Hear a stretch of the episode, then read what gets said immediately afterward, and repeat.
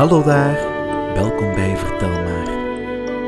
Het verhaal dat we je nu gaan vertellen is Het standvastige tinnen soldaatje. Er waren eens 25 tinnen soldaatjes en het waren allemaal broertjes van elkaar, want zij waren van dezelfde oude tinnen lepel gemaakt. Hun uniformen hadden prachtige kleuren, rood en geel. Zij hadden het geweer aan de schouder en keken recht voor zich uit. De eerste woorden die zij in deze wereld hoorden waren: Hoera, tinnen soldaatjes! Dat was toen het deksel van hun doos werd gehaald. Het werd geroepen door een kleine jongen die erbij in zijn handen klapte. Hij had ze gekregen omdat hij jarig was en hij begon ze op tafel in het gelid te zetten. Alle soldaatjes waren precies hetzelfde, op eentje na. Die was als laatste gemaakt, toen er niet zoveel tin meer over was. Maar hij stond even stevig op zijn ene been als de andere op twee benen. En hij is juist degene die beroemd werd. Er lag nog een heleboel ander speelgoed op de tafel. Maar het leukste was wel een mooi klein kasteel van karton met ramen waardoor je naar binnen kon kijken. Voor het kasteel stonden een paar boompjes om een stukje spiegelglas dat eruit zag als een vijvertje. Er dreven zwanen van was in en die werden weerspiegeld in het glas. Dat was allemaal heel mooi. Maar het mooiste was een kleine dame die in de open poort van het kasteel stond. Zij was ook van papier gemaakt, maar zij had een jurk van het fijnste gaas aan en had een sjaal gemaakt van een smal blauw lint om haar schouders. De blauwe sjaal was in het midden vastgemaakt met een vergulde papieren roos, die bijna even groot was als haar hoofd. Het dametje hield haar beide armen uitgestrekt, want ze was een danseres, en haar ene been had zij achter zich zo hoog opgetild dat het tinnen soldaatje het niet kon zien. Daardoor dacht hij dat zij ook maar één been had. Dat is de goede vrouw voor mij. Dacht hij, Maar ze is zo voornaam en ze woont in een kasteel en ik heb alleen maar een doos die ik met 24 anderen moet delen. Dat is niet de goede omgeving voor haar. Maar ik moet wel kennis met haar zien te maken. Toen stelde hij zich naast de snuifdoos op de tafel op. Van daaruit kon hij naar de sierlijke dame kijken, die maar op één been bleef staan, zonder haar evenwicht te verliezen. Toen de nacht kwam, werden alle andere tinnen soldaatjes in de doos gestopt. En de mensen in het huis gingen naar bed. Toen begonnen de speelgoeddingen elkaar op te zoeken, te dansen en met elkaar te vechten. De tinnen soldaatjes lagen te rammelen in hun doos, want zij wilden er ook uit. Maar ze konden het deksel niet optillen. De notenkraker speelde haasje over en de griffel rende over de lei. Er was zoveel lawaai dat de kanarie wakker werd en tegen hen begon te praten, in verzen nota bene.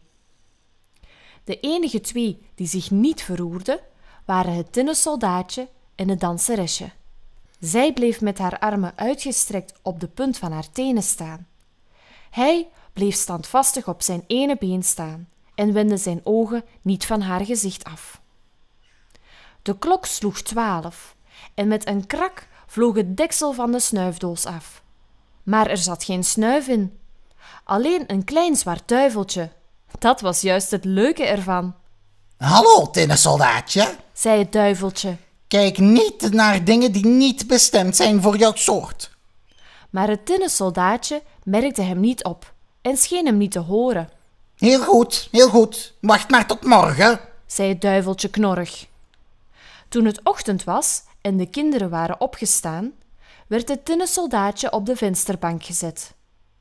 Of het nu de wind of het kleine zwarte duiveltje was, weet ik niet. Maar opeens vloog het raam open en het tinnen soldaatje viel hals over kop van drie meter hoog naar buiten. Dat was een vreselijke val, dat kan ik je wel vertellen. Hij kwam op zijn hoofd terecht, met zijn been in de lucht. Zijn geweer stond vastgeklemd tussen twee straatstenen. Het kindermeisje en de kleine jongen holden naar beneden om hem te gaan zoeken. Maar hoewel zij zo dicht bij hem waren dat ze bijna op hem trapten, zagen ze hem niet. Als het tinnen soldaatje alleen maar had geschreeuwd, Hier ben ik! dan hadden ze hem zeker gevonden. Maar hij vond het niet netjes om te schreeuwen als je in uniform was. Toen begon het te motregenen. Al gauw begonnen de druppels sneller te vallen en het werd een echte stortbui. Toen die voorbij was, kwamen er twee kleine jongens langs. Kijk eens, Riep de een uit. daar heb je een tinnen soldaatje. Die gaan we laten varen. Ze maakten een kleine boot van krantenpapier, zetten het tinnen soldaatje erin en lieten hem op en neer varen door de goot. De twee jongens renden met hem mee en klapten in hun handen. Wat een grote golven waren er in de goot en wat ging de stroom snel. Het papieren bootje hobbelde op en neer en in het midden van de stroom ging het zo hard dat het soldaatje beefde. Maar hij bleef standvastig, vertrok geen spier en keek met het geweer aan de schouder recht voor zich uit.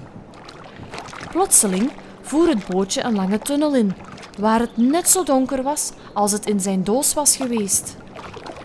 Waar kan ik nu zijn? Vroeg hij zich af. O hemeltje lief, dat is de schuld van het zwarte duiveltje.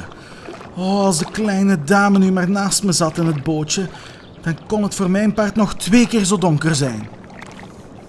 Toen kwam er een grote waterrat aan, die in de tunnel woonde, Waar is je paspoort? vroeg de rat. Kom op met je paspoort. Maar het tinnen soldaatje zei niets en hield zijn geweer nog steviger vast. Het bootje dreef snel verder en de rat ging erachteraan. Oei, wat knarsten zijn tanden als hij tegen stukjes hout en stro schreeuwde. Grijp hem, grijp hem. Hij heeft geen tol betaald. Hij heeft zijn paspoort niet laten zien. De stroom werd nog sneller en sterker. Het tinnen soldaatje kon alweer daglicht zien aan het einde van de tunnel. In zijn oren klonk een gebrul zo hard dat elke dappere man er bang van zou worden. Stel je voor! Aan het eind van de tunnel kwam de goot uit op een groot kanaal. En dat was voor hem even gevaarlijk als voor ons om langs een waterval naar beneden te varen. Het kwam dichter en dichterbij. Voort ging het bootje. Het arme tinnen soldaatje hield zich zo stijf mogelijk. Niemand zou later van hem kunnen zeggen dat hij laf was geweest. Het bootje tolde drie, vier keer rond en raakte tot de rand vol met water. Het begon te zinken. Het tinnen soldaatje stond tot zijn nek in het water. Dieper en dieper zonk het bootje.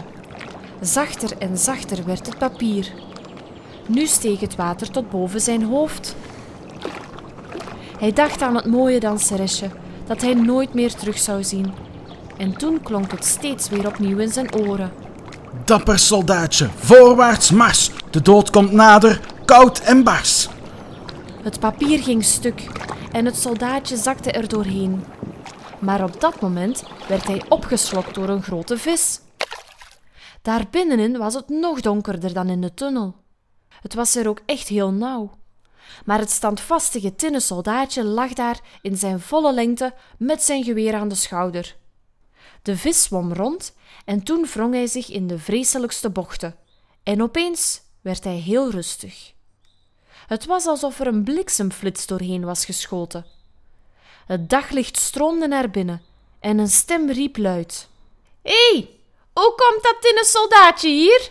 De vis was namelijk gevangen en naar de markt gebracht, daarna verkocht en in de keuken terechtgekomen. Daar had de kokkin hem met een groot mes opengesneden. Zij pakte het tinnen soldaatje tussen duim en vinger en bracht hem naar de huiskamer, waar iedereen de held die in de vis was gevonden wilde zien. Het tinnen soldaatje was helemaal niet trots. Ze zetten hem op tafel en wat kunnen die dingen toch raar lopen in deze wereld? Het tinnen soldaatje bevond zich in dezelfde kamer waarin hij eerst was geweest. Hij zag dezelfde kinderen en hetzelfde speelgoed op de tafel. Hetzelfde grote kasteel met het mooie danseresje stond er ook nog. Zij stond nog steeds op één been, met het andere hoog achter zich opgeheven. Ook zij was standvastig. Dat ontroerde het tinnen soldaatje. Hij stond bijna op het punt tinnen tranen te storten, en dat zou een soldaat niet hebben gepast. Hij keek naar haar, maar zij zei niets. Plotseling pakte een van de kleine jongens het tinnen soldaatje op en gooide het zonder enige reden in de kachel.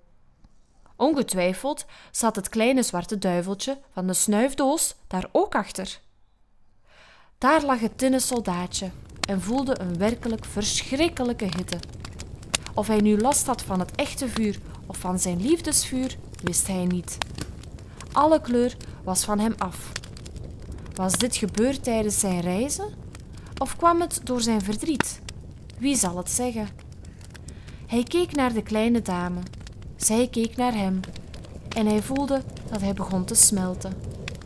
Hij bleef standvastig met het geweer aan de schouder. Toen ging er een deur open. De tocht greep het dametje en als een luchtgeest vloog zij naar het tinnen soldaatje in de kachel en vatte vlam. En dat was het einde van het danseresje. Het tinnen soldaatje smolt tot een klein klompje in elkaar. De volgende morgen, toen de meid de asla leeghaalde, vond zij hem terug in de vorm van een hart.